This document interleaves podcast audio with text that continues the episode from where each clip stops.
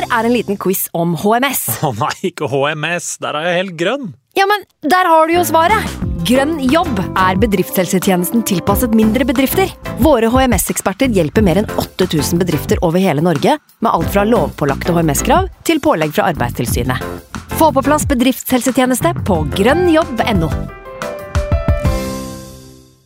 Hallo? Jeg kommer fra Oslo politikammer. Ine Jansen er purk. Er du purk? The motherfucking bitch. Alt jeg vil, er å finne ut hva som skjedde med mannen min. Jon Carew. Er jeg sikta for noe? Iben Akeli. Det er du. Ole So, Lars Berrum og Big Daddy Karsten. Hvem sin side er du på, egentlig? Anette Hoff, Tone Danielsen, Kommer du fra Afrika? Jørnis Josef, Nesten. Kløfta. Trond Espen Seim, Det er synd å si det, men det var feil mann som døde. Purk. Premiere tirsdag på TV2 Play. I can't believe it. Football, bloody hell.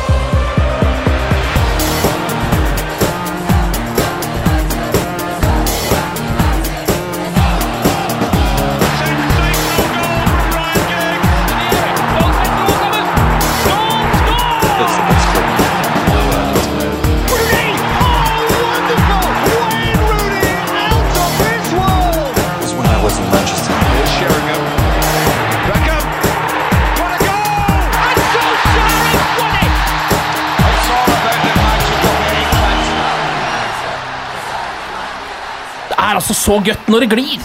Eh, når det glir, sånn som det gjør nå. Jeg blir så glad når jeg ser eh, folk i Manchester United-drakter på gata. Jeg har lyst til å gå bort til de og bare skrike opp i fjeset på de 'Get in!' Og samtidig gi de en liten klem, for jeg vet akkurat hva de har vært igjennom. Og nå er det en liten, bitte liten oase. Hvis man stopper tida akkurat nå, så er det lov å være litt optimistisk, faktisk. Jeg går selvfølgelig ikke bort til dem, for jeg er jo ikke psykopat. Eh, Jeg holder meg i skinnet, eh, men jeg har veldig lyst.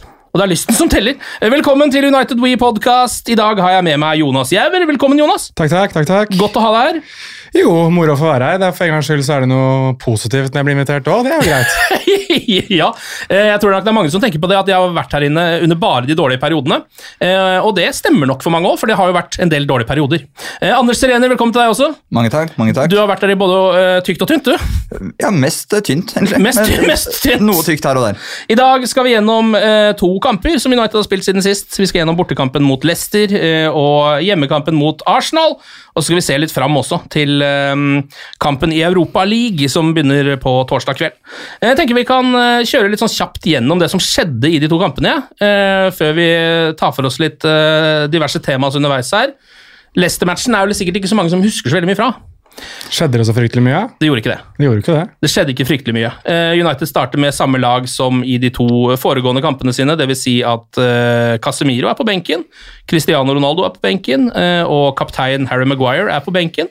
Og Elanga eksempel, da, starter kampen, noe han ikke alltid gjør. Jeg vet ikke hva du tenker sånn umiddelbart, det er Jonas som har et ekstra øye til spansk fotball, om Casemiros inntog i Manchester United.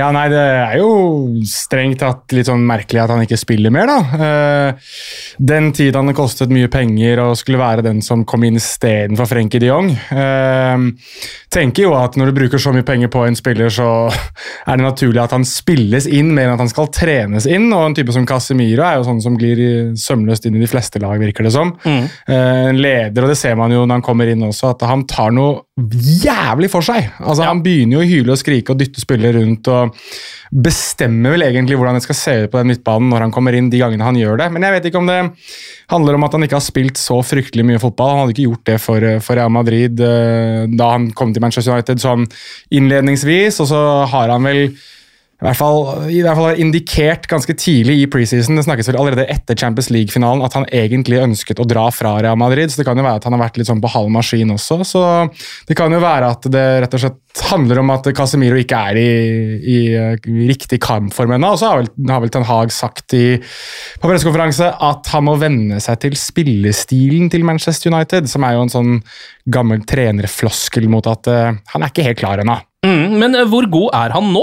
Verdensklasse. Ja, Han er fortsatt det. Han har ikke, blitt, han er ikke på hell eller blitt noe dårligere fra de to foregående sesongene. Nei, verdensklasse i sin posisjon, den beste spilleren i sin posisjon. Uh, men da snakker vi hans rolle, da, riktignok. Det er litt sånn som Åh, Med fare for hvem er det jeg tar det her fra? Det er en journalist som sa det, hvis noen vet det, så får dere rette meg. Men det var vel en som sa at det å starte med å prøve å signere Frenkie de Jong og ende med Casemiro er litt som å prøve å signere en puddel, men ende med en rottweiler. Ja.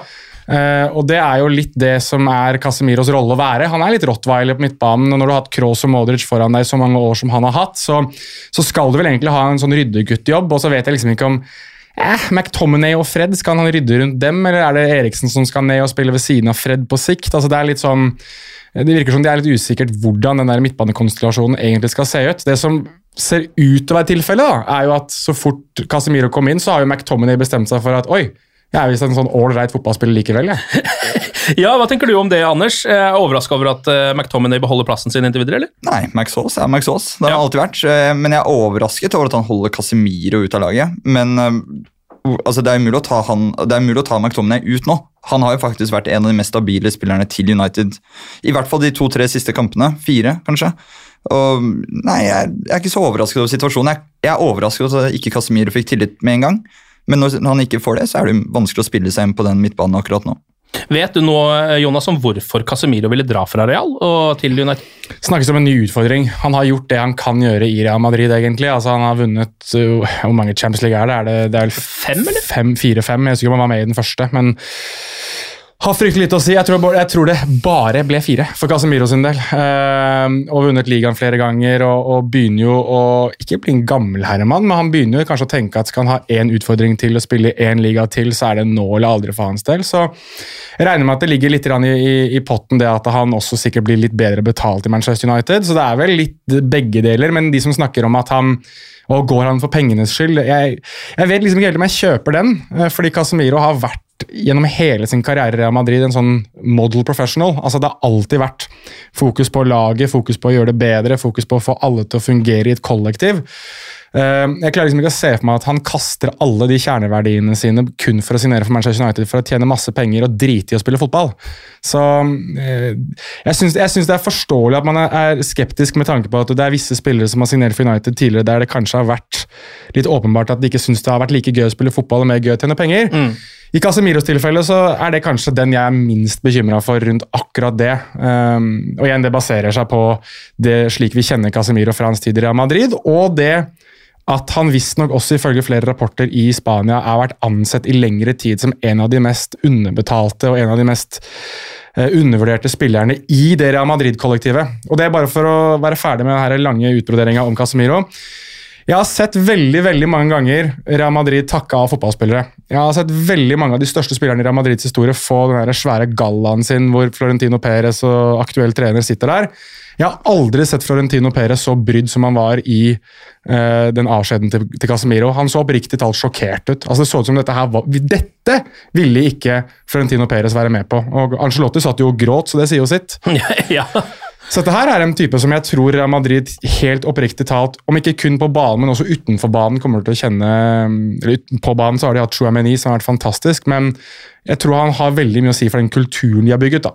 Vi ble jo ganske sjokkert, eh, vi som sitter med rød drakt også, over at Casemiro i det hele tatt var tilgjengelig for Manchester United. At han ville komme, og at det gikk så smooth. Det vir- virket som klubben var litt sjokkert over det òg. Ja, det, det skjedde jo veldig fort Ja. når det først skjedde. Um, men De skal jo ha vært ute etter han i flere uker, og sånn, men det er jo åpenbart at det er en slags plan B uh, for Frenkie. Og en rottweiler for en puddel, eller hva analogien var. Så lenge det er en bikkje der, så er det kanskje greit. Altså, Vi tar en dags. Vi tar en Uh, dags, vi. om det så må til. Om det så må til. Eh, når vi, altså, denne debatten har vi snakka mye om, men nå har det jo faktisk skjedd. Nå er Maguire eh, ute av eh, laget. Eh, kapteinen er benka. Det ser ikke ut som han er på vei eh, inn i den elveren heller. Ingen grunn til å sette han inn, sånn som det ser ut. Eh, først, Anders, hvilket hva skal man kalle det, lag var du på da dette sto på som verst? Altså da, Det var på en måte litt sånn to leirer føler jeg, av Manchester United-supportere. Det ene tenkte sånn vi må beholde Maguire. Han er en såpass eh, dyr investering, han er kapteinen, han må bare spille seg tilbake i form. Og så var det en annen gjeng som tenkte sånn han er problemet, få han ut umiddelbart. Dette tror jeg er sånn alle fotballchatter i Norge oppsummert eh, de siste månedene. Eh, Jeg tenkte at eh, det er en grunn til at Maguire velges gang på gang. Han bringer en eller annen form for stabilitet. Om det så er en ræva stabilitet, så er det i hvert fall en, det var stabilt ræva. på en måte. Og te, ja, ja, da, er, da må trenerne se noe ikke jeg ser. Men nå så ser vi jo at det det mye tyder på at den stabile rævheten har vært skikkelig ræva. Ja. Og du ser hva en Martinez bringer, som er ganske vanvittig mye høyere kvalitet.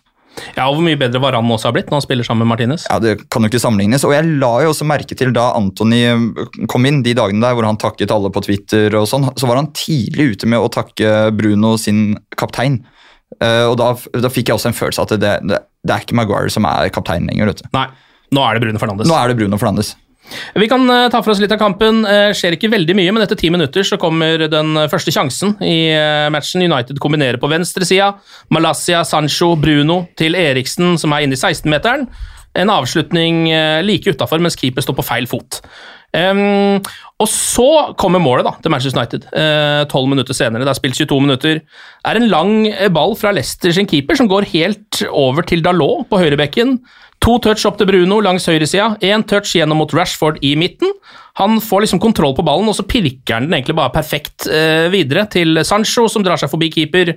1-0 til Manchester United. Et effektivt angrep, eh, men også et vakkert angrep.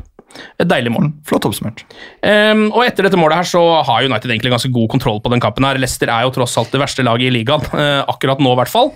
Så de uh, skaper ikke kjempemye. De er på en sjelden visitt etter 37 minutter. Barents skyter ganske langt over fra avstand, og det er liksom Leicester i denne omgangen. da. Jeg syns det er verdt å ta med når du snakker om den skåringa, er jo hvor undervurdert det tydeligvis er å prøve å runde keeper i de situasjonene istedenfor å avslutte. Altså, Hvor mange spillere er det ikke som hadde hamra til å håpe på at den hadde gått i mål fordi at du på en måte er så nærme? Men den lille touchen rundt det minner meg veldig om Raoul i sine i glansdagene. Han hadde det at han gjerne viste at han skulle skyte i det lengste hjørnet, og så dro han ballen forbi keeper på innsida av keeper istedenfor, og satte den med høyrefoten sin. Han hadde en sånn fantastisk evne til å gjøre det. Og, Ronaldo, altså fenomeno, ikke Cristiano, han hadde jo også det at han rykka keeper ut og satt den i mål. Mm. Um, synes bare at det er litt sånn, det er sånn glemt kunst, egentlig, det å bare ta det lille touchet rundt keeper. For han forventer jo gjerne at man skyter, og så sette den i åpen bur. Da må det nok kanskje såpass rolige ballbehandlere eh, som Jaden Sancho til. eh, For han har jo vist seg et par ganger nå hvor, eh, hvor mye cool han har når han er inne i 16-meteren. I situasjoner hvor alle andre egentlig bare får full panikk Mm. og tenker at nå er det mulighet til å score her, og mulighet til å, enorm mulighet til å drite seg ut. Tenk om Danny Welbeck hadde hørt det rådet der mot Bayern München i 19 pil og bue. Eller i alle kampene sine, egentlig. Faktisk i absolutt alle kampene. Eh, Det går i hvert fall eh, inn til pause med 1-0 til Manchester United på bortebane. Eh, Leicester har egentlig sin største sjanse, bare fem minutter etter pause. Da er det James Madison som har frispark, og de fleste av sjansene til Leicester i denne kampen her er egentlig skudd fra avstand. De får liksom ikke spilt seg inn i United 16 meter spesielt mye. Det er fra 20-25 meter, så vidt jeg husker, det frisparket her. Eh, veldig godt slått av Madison, som jo er god på frispark. Hardt med skru over muren, mot krysset, men så skrur den heldigvis for United da litt for mye. Den overskrur litt innover mot David Heia igjen, så han er liksom oppe og får over tverrliggeren eh, til corner, da. Men den er en veldig god redning, en spektakulær redning av David Heia. Sånn peak David Gea-redning. Ja, det er det. Ja, Det kunne ikke vært mer i David Gea. Og så eh, har United muligheten til å avgjøre kampen, og det her er kanskje den ene tingen som jeg føler man kan, eh, som er en stor negativ eh, for United i den matchen her, at de burde hatt 2-0 for å avgjøre det, for Leicester får noen sånn småsjanser på slutten, så det kunne liksom i verste fall ha blitt uavgjort i en sånn kamp. Det har vi sett mange ganger før. Og det har vi levd med. Ja, det har vi, har, vi, hadde jo det. Eh, men eh, United klarer liksom ikke å, å avgjøre matchen. Bruno slår en tunnel etter et, et 81 min. Nydelig crossball til Rashford. Han finner Ronaldo på overlappen. Um, og Da er Eriksen helt ledig inne i feltet, men Cristiano når, eh, sånn, får ikke fram ballen, rett og slett. Og Jeg vet ikke med deg, Jonas, som har sett eh, Cristiano uh, i hans beste år i Real Madrid og fulgt nøye med på det. Hvordan er det å se han nå? Jeg veit ikke om alle tar den referansen her, men, men uh, jeg husker da Michael Jordan kom ut av uh, retirement for andre gang og skulle spille for Washington Wizards. Det er det man ser nå. Ja. Det er det Cristiano Ronaldo driver med nå. Det, er, ehm, det er noen øyeblikk som får deg til å huske sånn Oi! Ja, men faen, han var Og så er liksom resten er bare Å ja. Litt trist. Dette her trenger vi ikke. Eh, på, I amerikansk idrett så kaller du dette her for lost tape years. Altså du, du, dette her glemmer vi.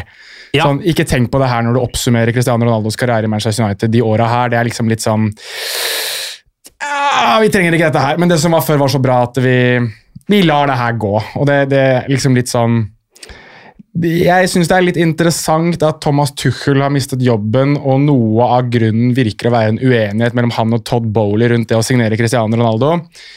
Og jeg er liksom litt sånn Thomas Tuchel må jo egentlig ha forsøkt å skåne Chelsea for det Manchester United-supportere går igjennom nå. For det er jo bare elendighet med Cristiano Ronaldo. Han ser sur ut, han ser grinete ut, han er ikke seg selv. Og jeg tror Dette her er første gangen i Cristiano Ronaldos liv, ikke bare karriere, men liv, at han har sett at han har begrensninger. Ja, det tror jeg kan kan det, stemme. er, det er tydelig at han, er, han har fysiske begrensninger. Han er ikke like kjapp lenger, han er ikke like sterk, han er ikke like rå. Og det tror jeg ikke Cristiano Ronaldo er veldig komfortabel med. Uh, og det syns jeg man ser veldig tydelig.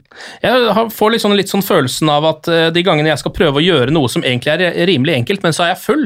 Skjønner du hva jeg mener? Altså det er bare sånn, dette her, dette her klarer jeg egentlig. Jeg klarte dette for uh, ett år siden. Og så skal jeg prøve å gjøre det nå, og så er jeg, så er jeg full. Uh, Har, så har du vært full et år? Eh, Nei, nei ikke, ikke, ikke et sammenhengende år. Og at jeg da bare ikke får det til, og så blir man enormt frustrert og forbanna på seg sjøl. og liksom klarer ikke å få noe utløp for det. da. Og det ser man jo tydelig med Ronaldo nå, når han i kamper hvor United leder og spiller bra, og har et voldsomt samhold i laget, som de har nå for første gang på lenge, så er han den ene som går rundt og sparker i reklameskilt og holder på noe voldsomt fordi, får, fordi en forsvarsspiller snapper opp en helt ålreit pasning.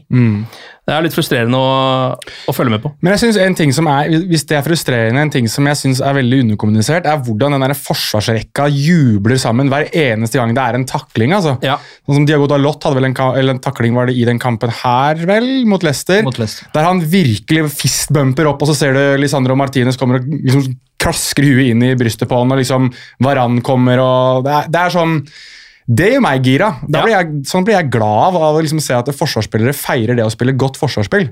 Det, det savner jeg i, i de fleste lag rundt omkring i verden. Jeg syns det er gøy, spesielt når den gjengen der som er et sånn slags Frankensteins monster av Ja. forsvarsspillere som bare er blitt satt sammen. Du har De Gea i mål som blir kjøpt av Ferguson, Dalot som blir kjøpt av Mourinho, Martinez som blir kjøpt av Ten, Ten Hag, Varan ble kjøpt av Solskjær, og så er jo Malaysia åpenbart har blitt kjøpt av Ten Hag, men ofte har det vært Shaw som, som har blitt kjøpt av van Hall.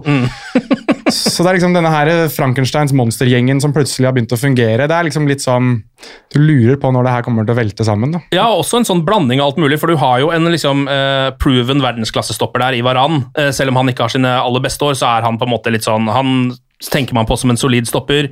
Og så har du Martinez, som liksom er en uh, spiller som alle har sagt at er for lav uh, og altfor fersk for dette gamet. Så har du Dalot, som egentlig aldri skal spille fast høyreback for United.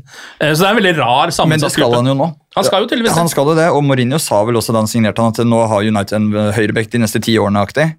Og Dalot får vel et gult kort ganske tidlig i første omgang der, Ja. mot Barn, som er en av de få farlige i det leste laget der, og bare nailer det. Jeg var sikker på at han kom til å bli tatt av til pause, eller utvist før den tid. Men så gjør han, han, han gjør en plettfri kamp. Både han og Malassia så vidt jeg husker, får vel gule kort tidlig. Eh, og man sitter med sånn Ok, nå er det bare én kontring, så er det rødt kort. Eh, men det går heldigvis eh, bra, det. da. Men det hjelper jo at Jamie Ward er blitt 43 år, og at han ikke er den bakgrunnstrusselen han har pleid å være. Så det var jo ikke den vanskeligste kampen heller, men Nei. fortsatt. Vi hadde ikke fått til. Absolutt ikke. Eh, Etter 82 min eh, så ser man plutselig liksom noen eh, litt sånn gamle snev av storhet hos Ronaldo igjen. Eh, Da er det Dalot da, som kommer på ev den evige overlappen som han er på hele matchen. Får ballen av Bruno, slår den inn litt bak Cristiano Ronaldo, og man ser måten han eh, stiller kroppen på, og måten han ser på ballen på, at her blir det et brassespark. Og det blir det. Eh, Ballen spretter i bakken og går Det ser ut som like utenfor, og så ser man litt på reprisene, så kanskje det var et stykke utafor, men det hadde vært noe. Ja, altså Cristiano Ronaldo har gjort det der før, da. Eh, 2018, vel, Foran Madrid mot eh, Juventus. Så da kan vi jo bare, Hvis noen fysiologer hører på dette her, så kan man jo begynne også å tenke hvor mye er det kroppen kan forfalle på fire år. Ja, det er akkurat det. Han har, vanligvis så er det sånn, altså det er ikke det at han alltid setter de der, men det er en, jeg får den følelsen hver gang den ballen kommer inn, og du ser at det blir en brasse, så pleier han å treffe mål. Cristiano Ronaldo. Jeg tror han tenker litt grann mer nå på vei ned. Eh, Sånn, det her kommer til å gjøre litt vondt! Altså, den, her kommer, den, den her kjenner jeg mer i morgen enn jeg gjorde i 2018. Han angrer midtveis, ja. Når han ligger der i saksa, så bare Pokker, nå lander jeg på ryggen, og den, eh, den tåler jeg ikke like mye lenger. Eh, det er noen eh, småsjanser for United etter det til å avgjøre matchen. De skusles bort, ofte fordi Ronaldo ikke helt får til det han skal. Og så har Leicester et siste forsøk etter 93 min. Eh, lang ball opp, litt klabb og babb før ballen spilles igjennom. Heldigvis til James Justin, høyrebekken til, til Leicester, som ikke er så målfarlig. Han banker ballen langt over mål, og det er slutt. Det er slutt. Ja. Solid nok seier for United, som selvfølgelig burde ha skåret mer enn ett mål i den kampen mot uh, ligaens akkurat nå dårligste lag. Men en seier i en kamp som hadde blitt uavgjort veldig veldig mange ganger i fjor. Eller tap. Det er også helt riktig. Så, Så sånn sett uh, Jeg kaller det seks poeng. ja, du, ja, ja, men jeg, jeg ser den. Vi kan ta den eh, kampen som er litt gøyere, hvor det skjer enda litt mer. Vi skal til Old Trafford, kampen mot Arsenal. Kan jo begynne med laget, da. Um, noe overraskende så starter Antony på høyre. Um, det vil si at Elanga benkes og Sancho går over på venstresida. Hva tenkte du om det da du så Antony fra start, eh, hvor mye begynte å boble i blodet? Jeg tenkte mer at Casemiro sikkert stiller noen spørsmål. Men Ja. um, nei, det, herregud, det er dritgøy. Det var jo alt jeg håpet på at han skulle starte. Uh, og så kan man vel ikke helt si at det ble en Ronaldo mot Bolton uh, i 2003-debut, selv om Antony får målet sitt da, Ja. uh, sammenlignet med Ronaldo. Men han bidrar jo med altså, et eller annet som vi ikke har hatt før, en X-faktor på høyrekanten. Og det er tydeligvis veldig viktig for Ten Hag å ha en venstrebent høyrekant, det har han jo sagt et par ganger. Um, det, det endrer dynamikken i angrepsspillet. Og jeg vet ikke om Elanga hadde satt den sjansen som Anthony setter. Ja, nei, Det er jeg også usikker på, for det er så sikkert satt. Um, Og da hjelper det å ha venstrefot. Ja, og så er det jo deilig å se han fra start, da, fordi plutselig så spiller United uh, mest på høyre. I hvert fall starten av den matchen mot Arsenal. Det er veldig uvanlig til Manchester United å være. Pleier å være veldig vridd mot venstre. Ja, Øh, fortsett, Anders. Du sa at du skulle si noe. Uh, uh, skal vi se, jeg tenker, jeg tenker. Uh, jo, det, jeg ser at det blir gjort veldig mye narr av den, der, den triksegreia han driver med utpå der. Men Ja. det ender jo med mål. Ja. Det, det blir jo målt, men det er lett å glemme på Twitter. Men den går innom hvert eneste lagmedlem på hele United før den ender tilbake hos Anthony. Ja, og det er jo etter at han da uh, først har holdt på mye ut på sida der, har hatt noe hælspark uh, som har, uh, var egentlig ganske effektivt, det hælsparket han hadde. Holdt på å bli en sjanse av det også. Ehm, men så liksom eh, Jeg syns United starter kampen ganske bra. Ikke helt som mot Liverpool med det voldsomme trøkket, men eh, det ser Det er liksom de som styrer spillet. Men så holder jo egentlig eh, hele driten på å rakne ganske tidlig i matchen, fordi da får jo ehm, eh, Eriksen ballen på midtbanen. Han er litt uoppmerksom idet han tar den imot, ser det ut som. Eh, Martin Ødegaard eh, kommer inn bak han og presser han og vinner ballen med bitte lite grann armbruk. Eriksen går i gresset, men spillet fortsetter jo. Saka slår ballen perfekt gjennom til Martinelli, han skårer sikkert mot David De Hea. Og dommer eh, dømmer mål, men så er VAR inne og ber han se litt på det.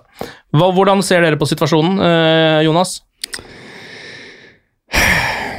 Clear and obvious, er det ikke det som skal være uh, greia? Det er gjennomgangsmelodien. Det, sier det at det er clear and obvious, ja. Jeg tenker at det er ikke clear and obvious når du må stå der ute i et minutt, halvannet og se på situasjonen i ulike vinkler. Da er det ikke clear and obvious. Hvor dommeren også i tillegg var ganske nærme situasjonen da det skjedde. Og har dømt videre for scoring og play on, liksom. Det tar altså, Jeg så var det noen som hadde regna på det, hvor lang tid han faktisk bruker der. Men når du står så lenge og må se om er dette her strake nok armer, er dette hardt nok dytte, er dette, da er det ikke clear and lenger. Nei. Og da mener jeg at skåringa skal stå. Og det hadde jeg ment andre veien nå, selvfølgelig, men, men jeg syns at Martin Ødegaard og Arsenal har grunn til å være ganske forbanna etter det der. Og så ser jeg at det er kjempepolariserende på sosiale medier og kjempepolariserende i aviser og på, medier, eller på TV videre etterpå om man skal dømmes eller ikke dømmes, men når regelen sier at clear and obvious, clear and obvious error er det han skal inn og dømme på, så tenker jeg at da skal han se den situasjonen i bokstavelig talt 15 sekunder. Ja. Ikke noe mer enn det. altså, ok, der, ja, ok, ja, men da har jeg sett det. Greit, da er det frispark. når du må stå og se det i tre-fire-fem vinkler, da mener jeg at da, da tar, tar det for lang tid. først og fremst. Da er det ikke clear and obvious, og da skal målet stå. Men er det frispark i utgangspunktet, Anders? Det er, det er jo klokkeklart frispark. Altså, Ja. det, nei, altså, det, okay, det er jo ikke det, men det er jo frispark. Ja, men Jeg er enig i det. Det er bare for å ta det. Det er jeg enig i. Det er frispark, ja. Men det er ikke clear and obvious at Nei. det skal stoppes og gjøres på nytt igjen fordi det, det er en infraksjon, for å bruke et fornorsket eller ja, engelsk floskelsbegrep på norsk. Ja, men det, altså, jeg, det er jo det som gjør den situasjonen her, og var generelt såpass eh, kontroversielt, da. At det som skjer her, er jo at det er et frispark, men det er eh, ikke et klart frispark. Altså, det er sånn som blir Dommeren kan dømme frispark, kan også finne på å ikke gjøre det. Det er litt sånn 50-50 frispark, vil jeg si, men rent teknisk så er det nok et frispark. Men verden hadde gått videre om det ikke hadde blitt frispark. Ja, det er helt riktig. Så lenge det ikke hadde blitt mål med en gang etterpå. Eh, Ja. For det ble det, og da må VAR inn og sjekke, og så blir det bare krøll. Eh, Fordi da må de rydde opp i en feil som egentlig ikke er en veldig stor feil, og det skal de egentlig ikke gjøre. Det som kommer til å skje, er jo at du kommer til å ha lignende situasjoner mest sannsynlig i andrelagskamper framover, der det ikke blir gjort noe med VAR. Og Ja. da er det sånn, ja, men den United mot eh, Arsenal, da, det var frispark, men si Nå tar jeg bare to lag ut av ræva her. altså Bournemouth mot Fulham, da, ikke sant? Så er det et eller annet som skjer med der Palinja dytter noen, f.eks., og så blir ikke det avblåst når Mitrovic feirer nok en scoring. Da er det liksom jeg, jeg tenker at dommerstanden i Premier League må klare å legge seg på nivå her som er ganske unisont. da. Og det, det er det ikke her. Nei. Ehm, fordi jeg er ganske sikker på at den situasjonen der hadde av veldig mange dommere bare latt gå. Ehm, så jeg, jeg syns Jeg er veldig glad i VAR. Altså Jeg syns VAR er en veldig bra greie, egentlig, men jeg syns at den måten den brukes på nå, er og egentlig har vært over lang tid, er ganske hårreisende. da. Um, De er morsomme, de nye animasjonene. da. ja, de er fete. Ja, de er, de er, De er synes jeg. fete. Det skal, skal ikke mer til for meg. Nei, nei, jeg er enig. Litt sånn ansiktsløft på det greiene. Så det gjør at man lurer på om det er noe helt nytt, men det er jo bare samme gamle driten uansett. Ja. Um, men ja, nei, jeg ehm, Nei, jeg, jeg syns, syns at det er så trist da, at noe, et konsept altså, Det blir liksom kommunisme. altså Det høres jævlig bra ut, men det bare faller hver eneste gang man prøver å få det på, få det på liksom. Ja. Så VAR og kommunisme, der har du sammenligninga. Og selvfølgelig, altså konspirasjonsfotballfanen i meg, eh, som uh, fins inni der hele tiden, eh, vil jo eh, si at dette her hadde aldri blitt annullert i Uniteds dårlige periode. Det hadde aldri skjedd, det er jeg 100 sikker på. Da var det så mye sånne ting, men United var ikke sett på som et bra lag engang. Det var liksom mer sånn at ja, ja, men det er jo selvfølgelig slipper de inn. De har jo tapt de siste fem kampene sine. Det må jo være mål, det der. Samme ikke gidde å se på VAR engang. Det var ligalederen i møtet her, da. Ja, ja, det var jo det. Ja. Men eh, det er et eller annet med altså, Det her høres sikkert rart ut, men jeg syns å merke det når man følger med eh, på sånne ting, at form har mye å si, føler jeg. For hvordan dommere behandler laget ditt. Det burde ikke være sånn jeg føler at det er det. Ja, men det, Sånn tror jeg det er. og jeg så Det var en Arsenal-supporter som nærmest skrev en doktoravhandling på Twitter etter dette her for å gå gjennom hvor mange straffer og sånn alle lag har fått. og United i storhetsperioden er jo ganske høyt oppe. Ja, Eh, eller ganske høyt oppe, ja. Til tross for absolutt færrest eh, touch i boksen og i, det hele tatt. Så det, jeg tror du, du er ikke helt tinfoiled her. Nei, men det, takk, for det. Eh, Etter det, altså For det første så er det jo eh, veldig viktig tror jeg, for United at ikke det ble mål, for de har jo ikke ligget under siden de begynte på den gode bølgen sin. Og Og, Arsenal dominerte, da. og Arsenal dominerte i den perioden, og det er fortsatt såpass skjørt, det prosjektet her, tror jeg, at en liten sånn smell kunne ha gjort at mye rakna, da. Tror jeg. Men det skjer jo heldigvis ikke. Men United eh, sliter litt i etterkant av det målet. Da er det Arsenal som kjører. Eh, får en stor sjanse etter 31 minutter. Da er det Martin Ødegaard, som jo har en eh, veldig god førsteomgang. Han står på hjørnet av 16-meteren, slår den inn i feltet mot bakre stolpe. Der er Martinelli. Han står helt alene. Header mot mål mot bakre stolpe, eller lengste, da. Men der er nok en gang David Hea med en glimrende reaksjonsredning. En redaksjonsredning. En redaksjonsredning. Og da er den grei. eh, og så, da, eh, begynner United å våkne litt. 34 minutter spilt. Det er et langt angrep for Manchester United. Det starter vel på en måte nesten nede hos Anthony, som står og eh, trikser og surrer litt. Uh, Nede på sida der, med noen sånne ja, ung Cristiano Ronaldo-halvfinter. Veldig løkka Ja. stemning over den der. Eh, men eh, ja, det funka jo. Det er litt sånn street football som han står og holder på med. Eh, og så går jo ballen eh, United spiller og spiller, ballen tilbake til backrekka igjen, og så fram igjen til Bruno Fernandes. Han spiller til Sancho, raskt videre til Rashford, stikker gjennom til Anthony. Innsiden av venstre, skrur den forbi Ramsdale, 1-0. Anthony går apeshit og banker opp United-emblemet på drakta. Det er gode tilstander Paul Trafford. La meg bare legge til at det målet der skapes av Christian Eriksen.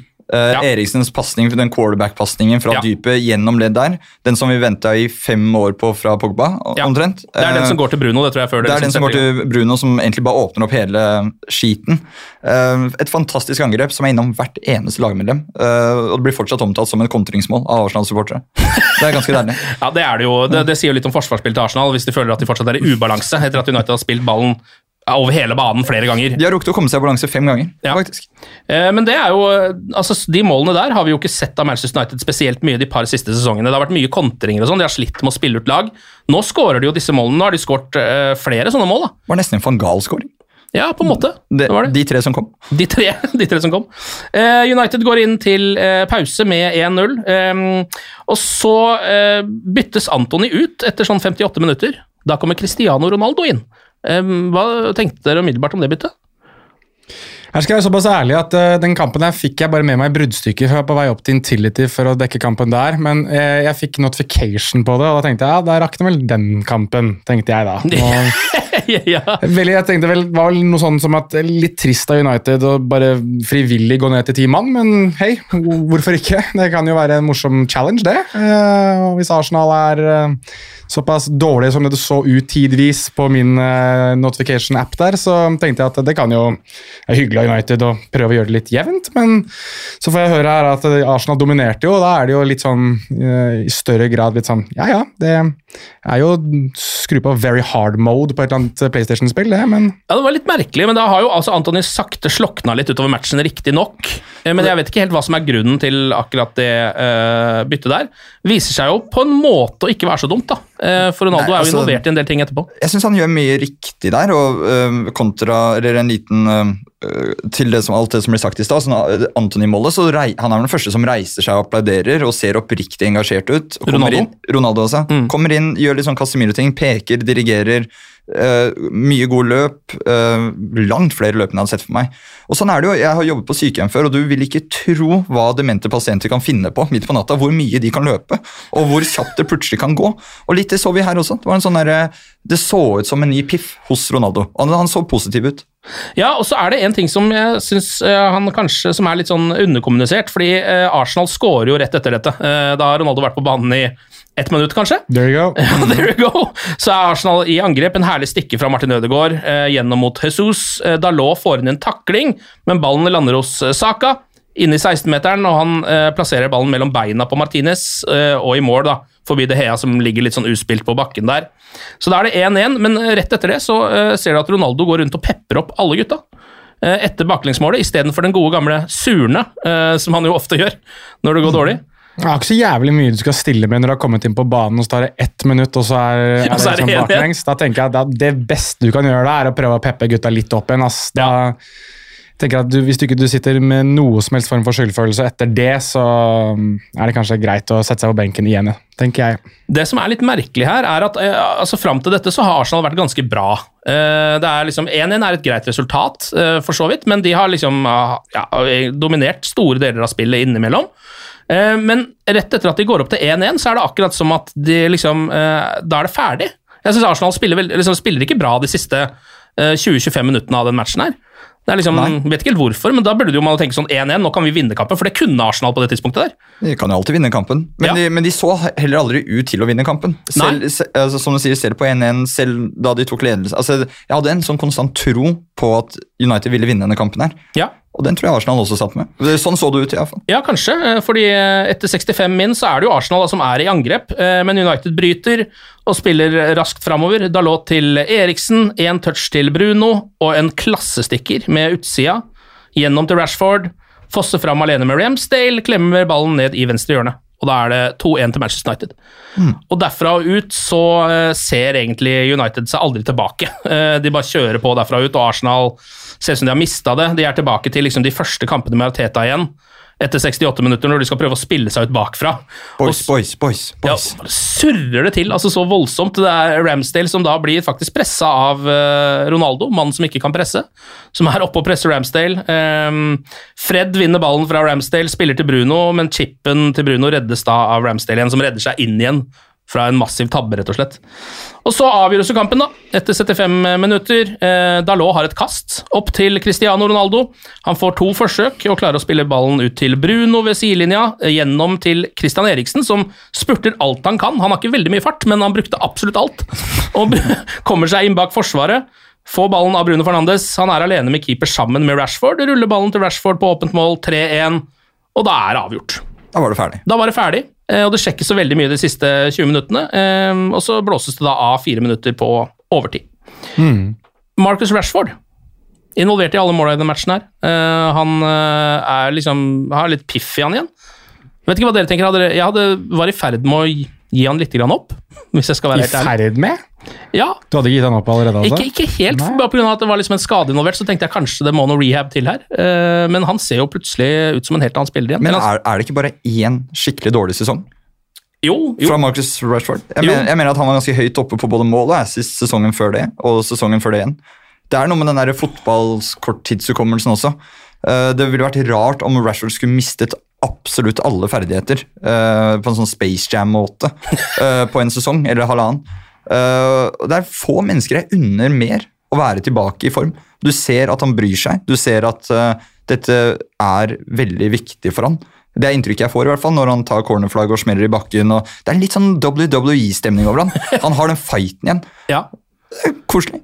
Det er det, det er, Han er jo United through and through, han. Eh, så man må jo liksom håpe at sånne folk kan i hvert fall liksom, ja, være viktig for United da, eh, å spille. og det er jo liksom, Jeg tenkte det var en av de store, gamb, eh, en av de store gamblene eh, for Ten Hag før den sesongen her. Hvorvidt du skal satse på Rashford eller ikke. da. Ja, og så er det jo Arsenal, da. Det er jo sånn Marcus Rashford eh, debut liksom i Premier League kom mot Arsenal. Da skårer han to mål, så det kan jo være at Arsenal er som får virkelig kjensla hans tilbake igjen. da. Det er jo det er ikke så altfor lenge til United møter Manchester City, og de var vel et av de lagene han møtte ganske kort tid etter de to målene mot Arsenal da han var 17 år. Det husker jeg, for jeg skrev en sak i Nettavisen. Der, dette var det, det Martin 15, da skrev jeg Marcus 17 avgjorde um, Ja. Manchester Derby. Det syns jeg var ganske gøy. Det var Marcus 17 mot eh, Martin 15, den kampen her. eh, Og Marcus eh, 17 eh, vant den kampen 3-1. Det er jo faktisk Demichelis 58 som ligger og vaker i det Stemmer. Marcus kommer seg gjennom det. Eh, ok, men da har United fire strake seire, eh, og ting ser jo fort ganske mye bedre ut. Em, vi kan ta noen små rykter, fordi ifølge Fabrizio Romano, den store overgangsguruen på em, sosiale medier, så har ikke United gitt opp Frenkie de Jong. Jeg vet ikke hvor mye vi gidder å snakke om dette, eh, men eh, du som følger mye med på spansk fotball, kan jo kanskje komme med dine tanker om hele sagaen og det surret her, Jonas? Ta det kjapt, jeg er så jævlig. Ja, det er faktisk jeg òg. altså, det det til syvende og sist har handlet om her, er rett og slett at Frenkie de Jong har ikke hatt lyst til å dra. Det er bare summa summarum. Altså, og, og han har spilt med for Barcelona, fått en større rolle nå i løpet av sesongstarten. Han har vel ikke starta noen kamper. Uff, nå, han Kanskje han starter i kveld, jeg vet ikke. Men uansett. ehm, men det er tydelig at han har lyst til å overbevise Xavi om at eh, det er han de skal satse på. Eh, og Det har vært viktig for han, og det, det har vært veldig sånn jeg syns det har vært sagt veldig mye at han ikke har sagt noen ting, eh, for å, for å si det sånn. Og, og Selvfølgelig United er interessert i han også i januar, og det kommer til å være neste sommer òg, men jeg, jeg kjenner at dette er litt som å snakke om støyen som falt i fjor. altså. Ja. Ja men det, vi tre, altså det, nå er det ikke engang mulighet til å kjøpe en eneste spiller, så vi kan godt vente eh, ganske mange måneder med å ta tak i dette greiene her. Så tenker jeg når det, når det er sånn som det er nå, altså United gjør det så bra som de gjør det, og at de på en måte kanskje de rekalibrerte litt, grann, da, at dette var typen de ville ha. Frenkie de. Ok, fuck han, da går vi for en annen type å spille på en annen måte med Casemiro. Da Da tenker jeg at man kanskje burde avskilte hele greiene der. Det virker jo bare som om det er temmelig dødfødt, hele det prosjektet.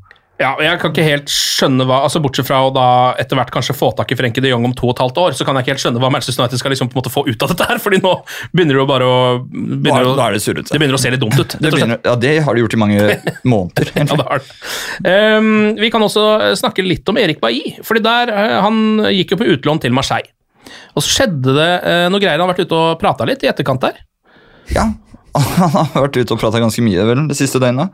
Eh, Men det handler jo om eh, favorisering av engelske spillere. Ja. Eh, Eller det handler om hvorfor ikke han har fått spille, Ja. er mitt inntrykk. Og så har det vel da også i kjølvannet av dette her kommet fram at han var en av disse lekkasjene Ja. som har vært gjennomgående under et par trenere nå. Og alle har vel egentlig forsvunnet. Eh, En etter en, og nå var han den siste. og Han, han var vel også litt grann snurt over at Ten Hag hadde sagt at han skulle få en sjanse, og så fikk han ikke det. Og, men det er vel også grunn til å tro at Ten Hag har fått en brief fra Ragnhild uh, og de andre om at han kanskje var et uromoment, da, mer enn vi trodde. Vi syntes han var gøy på banen. Ja, og Kan- utenfor for så vidt. Kanskje ikke så gøy i garderoben. Uh, og de andre var da altså Det er vel Henderson og er det Alex Telles? Alex Telles uh, er der, og så er det en rakker til uh, som jeg ikke kommer på nå, som også har forsvunnet ut. Eh, James Garner har gått ut, i hvert fall. Ja. Men det er kanskje ikke han. Han var jo på lån hele forrige sesong. Jeg tror ikke han var en av de verste Nei, han ser mer koselig ut, egentlig. Uh, men det var en til som jeg kommer på til neste sending. Ja, det er, det er bra. Det er altså de som har vært ute med ulike lekkasjer, som gjør at ting har kommet ut fra garderoben eh, Paul Trafford ganske mye uh, siste åra. Um, men han, han, jeg må jo nesten si det da, til Bajis forsvar, at akkurat den ene tingen han nevnte der med at engelske spillere blir forfordelt i eh, elveren til United, det har blitt det i noen år, det var jo til og med uttalt fra Ole Gunnar Solskjær. Ikke nødvendigvis i elveren, men i stallen. Så det har han jo helt rett i. Og at Maguire skulle spille masse kamper istedenfor han, er ikke sikkert det var helt riktig. For øvrig en ting nå, for jeg vet, jeg er en av de lytterne som jeg, hvis jeg husker hvem det er mens jeg hører på en podkast, så er jeg sånn Si navnet, si navnet, si navnet. Og nå kom jeg på hvem det var. Ja, Jesse Lingard. Jesse Jesse Lingard. Lingard, Ja. så klart. Så da trenger ikke lytteren å hyle og skrike om det til seg selv. Da har jeg sagt det. Sikkert allerede googla det. Ja, men sånn sannsynlig. Ok, eh, Nå er neste match Real Sociedad. Eh, det er den første kampen i eh, Europa League på Old Trafford på torsdag kveld. Gruppas tøffeste motstander for United. Jonas, hvor bra er Real Sociedad akkurat nå? Hvordan har sesongstarten vært osv.? Real social dads. Ehm, nei, de har to seire, ett tap og en uavgjort, vel. Og Det er de en helt jo- grei start, det. Ja, og det tapet kom jo mot Barcelona, som har vært outstanding, spesielt offensivt. Um, kongene av 1-0. Altså de vinner, Alle kamper de vinner, er 1-0. 1-0, 1-0, 1-0, 1-0, 1-0. Alt er 1-0. De har til og med noe som kalles onseroismo, som egentlig betyr enulisme, uh, som de har eh, innført nå i Real Sociedad. De har, En egen filosofi? ja, de had, altså I fjor så var de den klubben vel som vant 1-0 flest ganger. Jeg lurer de vant 1-0 elleve ganger, uh, som var flest i hele Europa. Jeg tror neste på lista var Roma med åtte eller ni. Ja, Når du begynner å vinne 1-0 mer enn italiensk Serie A-lag, så begynner det å bli noe. Under Mourinho. Ja, under Mourinho. Ja, riktig. Nei, eh, de har vært knallharde defensivt. I hvert fall i fjor, denne sesongen her så har de ikke fått det til å stemme like mye. eh, og det har litt å gjøre, i hvert fall nå, så har det litt å gjøre med at Robin Lenormand, som har vært kanskje den beste stopperen deres i i hvert fall én sesong, om ikke halvannen, har forsvunnet ut. Han er ikke med nå heller. Eh, så der har de, Det snakkes om at John Pacheco, som er for så vidt en ålreit stopper, kan gå inn der. Um, men det er, det er et lag som har bygget mye på det at de ikke har så veldig gode fotballspillere i forsvar, men som klarer å spille godt sammen. Og så har de et hav av kjempegode fors- spillere offensivt som, eh, som ikke klarer å spille sammen. Eh, så det er liksom dårlige spillere bak, gode. Veldig god spiller foran, dårlig. Eh, de har liksom ingen kjempemålscorer heller. Nå har du jo mista Alexander Isak også. Har de noe erstatte for han, eller? Ja, det er Omar Sadiq. eh, og for så vidt også Alexander Sørloth, som har kommet tilbake igjen på lån. Men, men Omar Sadiq, som de har hentet fra, fra Almeria, han er et vogntog av en spiss. Eh, altså, det er et av de, altså, Han er et fysisk unikum, altså, for han, han virker ikke som han vet at han har mer kropp enn det han har. Han har så mye kropp, han, men, men han klarer ikke å kontrollere alt sammen. Men han får det så til å stemme hele tiden. Altså, han løper ned forsvarere, han har headinger, han er god på avslutninger. Han, men det, er bare, det ser så keitete ut. Da. Forestill deg at hvis Danny Welbeck ble bra, så er det Oma Ja. Sadiq. Um, Welbeck har jo forstått blitt bra, men kanskje i litt eldre alder. Men altså, han har skåret denne sesongen her, han skåret mot Real Madrid, Atletico Madrid og Sevilla. Det er, altså det er altså da tre av topp fire fra i fjor har han skåret mot, og nå er jo åpenbart Sevilla er ikke like gode som det de var en gang i tiden, eller spesielt i fjor. Men han har vært eh, helt outstanding, og hvis du ser på eh, en del de signeringene Real Sociedad har gjort, så har vi La Liga Loca vi ga Real Sociedad en unison sekser på overgangsvinduet. De, de har forsterket seg. De har hentet Takefusa Kubo, som var et megatalent i Barcelona, var i Real Madrid.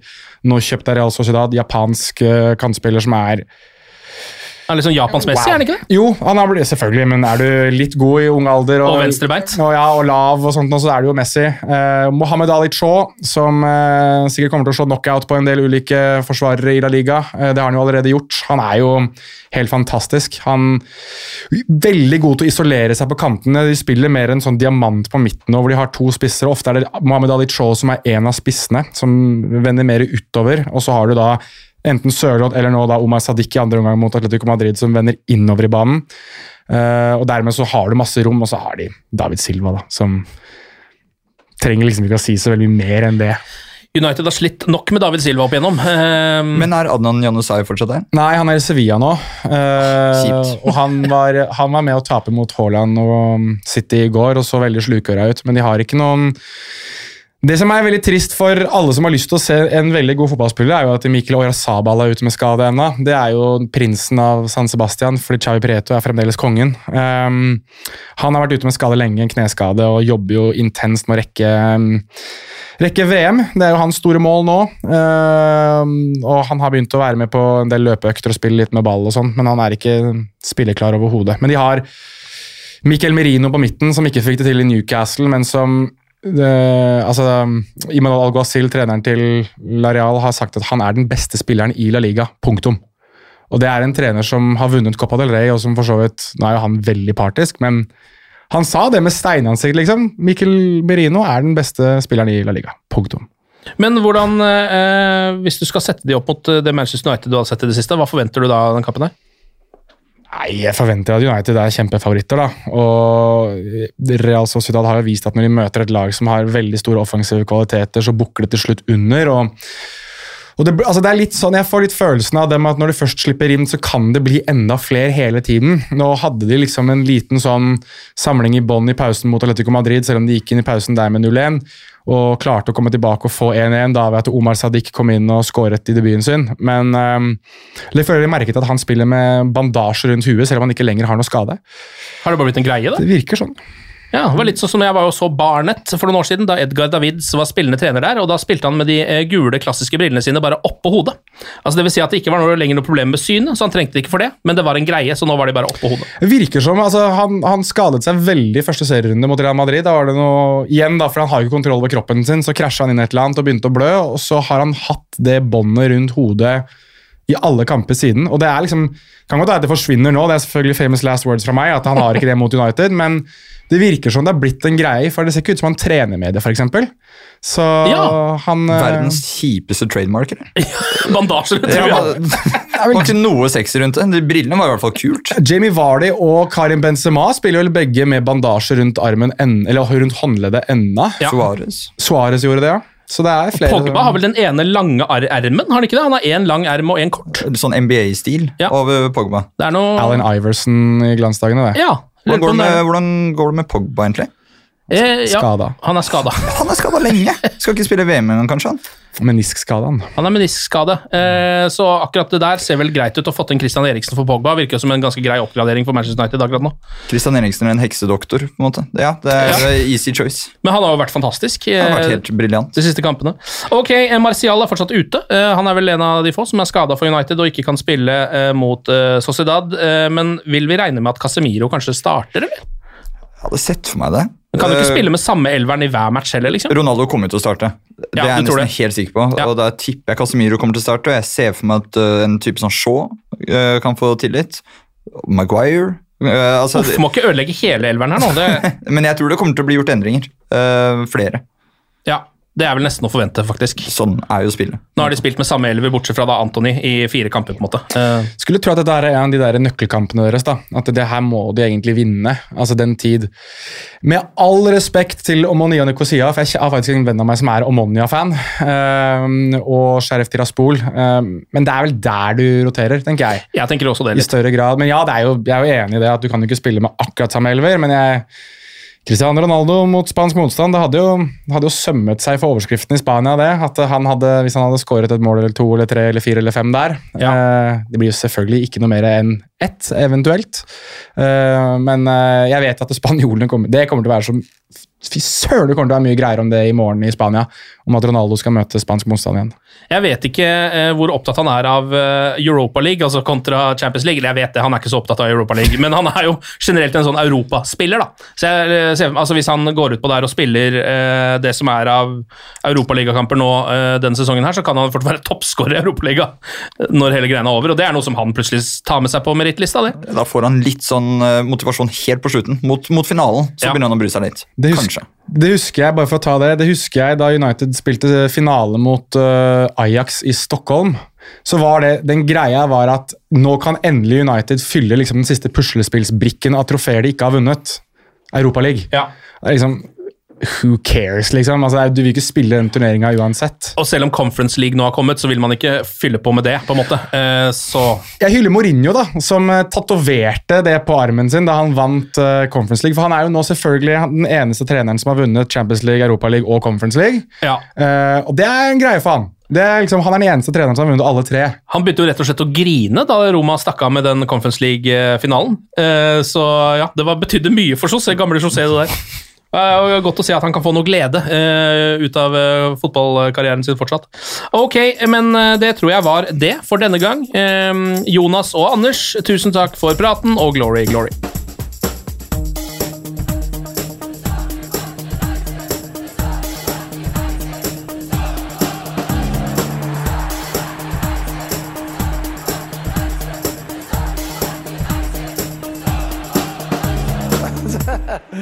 It's true. I've seen many things. Moderne media. Ukens annonsør det er matkasseleverandøren Hello Fresh. Der kan du velge mellom 25 ulike oppskrifter hver uke, eller få Hello Fresh til å sette sammen en meny for deg.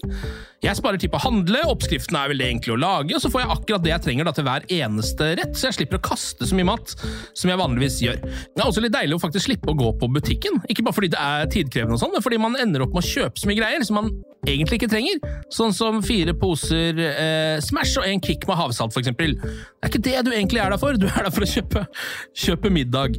Så det er en veldig eh, kjekk ting. I tillegg så er det jo eh, ferdigporsjonerte ingredienser, det blir mindre matsvinn, og du betaler bare for det du faktisk trenger, og det du faktisk da spiser. I tillegg så blir det da levert på døra til et fastsatt tidspunkt, sånn at du kan få det akkurat når det passer for deg eh, sjæl. Hvis HelloFresh høres ut som noe for deg, så har jeg en rabattkode du kan bruke også. Gå inn på hellofresh.no og bruk koden HelloUnited24. HelloUnited i ett ord, også 24, og få opptil 1779 kroner i rabatt på de fem første matkassene dine hvis du ikke har prøvd Hello Fresh ennå. Du kan også bruke koden hvis du tidligere har vært kunde, men har stoppa abonnementet ditt for tolv måneder siden eller mer. Det er ingen bindingstid, og du kan pause eller avslutte abonnementet ditt akkurat når du selv måtte ønske. Husk koden HelloUnited24, og bon appétit! Ukens annonsør er Folio, en smartere banktjeneste for deg som har en egen bedrift eller ønsker å starte for deg selv. Folio er en superenkel nettbank for bedrifter. Som kunde i Folio får du en bedriftskonto med et bedriftskort og app. I denne appen er det smarte løsninger som forenkler regnskapet ditt, uansett om du har en liten bedrift eller et enkeltpersonsforetak. Folio er både intuitivt og brukervennlig, og er laget med et enkelt språk. I tillegg tilbyr de forutsigbare priser og ingen skjulte gebyrer. Skulle du likevel trenge det, så kan du snakke med deres raske og hyggelige kundeservice, og der får du prate med en faktisk person og ikke en chatbot. Folio er med andre ord både enklere og koseligere enn banken. Over 10 000 bedrifter har allerede valgt Folio som sin banktjeneste, så besøk folio.no og se hvordan Folio kan forenkle din hverdag også. Har du et enkeltpersonforetak eller en liten bedrift? Da er du sikkert lei av å høre meg snakke om hvor enkelt det er med kvitteringer og bilag i fiken, så vi eh, gir oss her, vi. Fordi vi liker enkelt. Fiken superenkelt regnskap.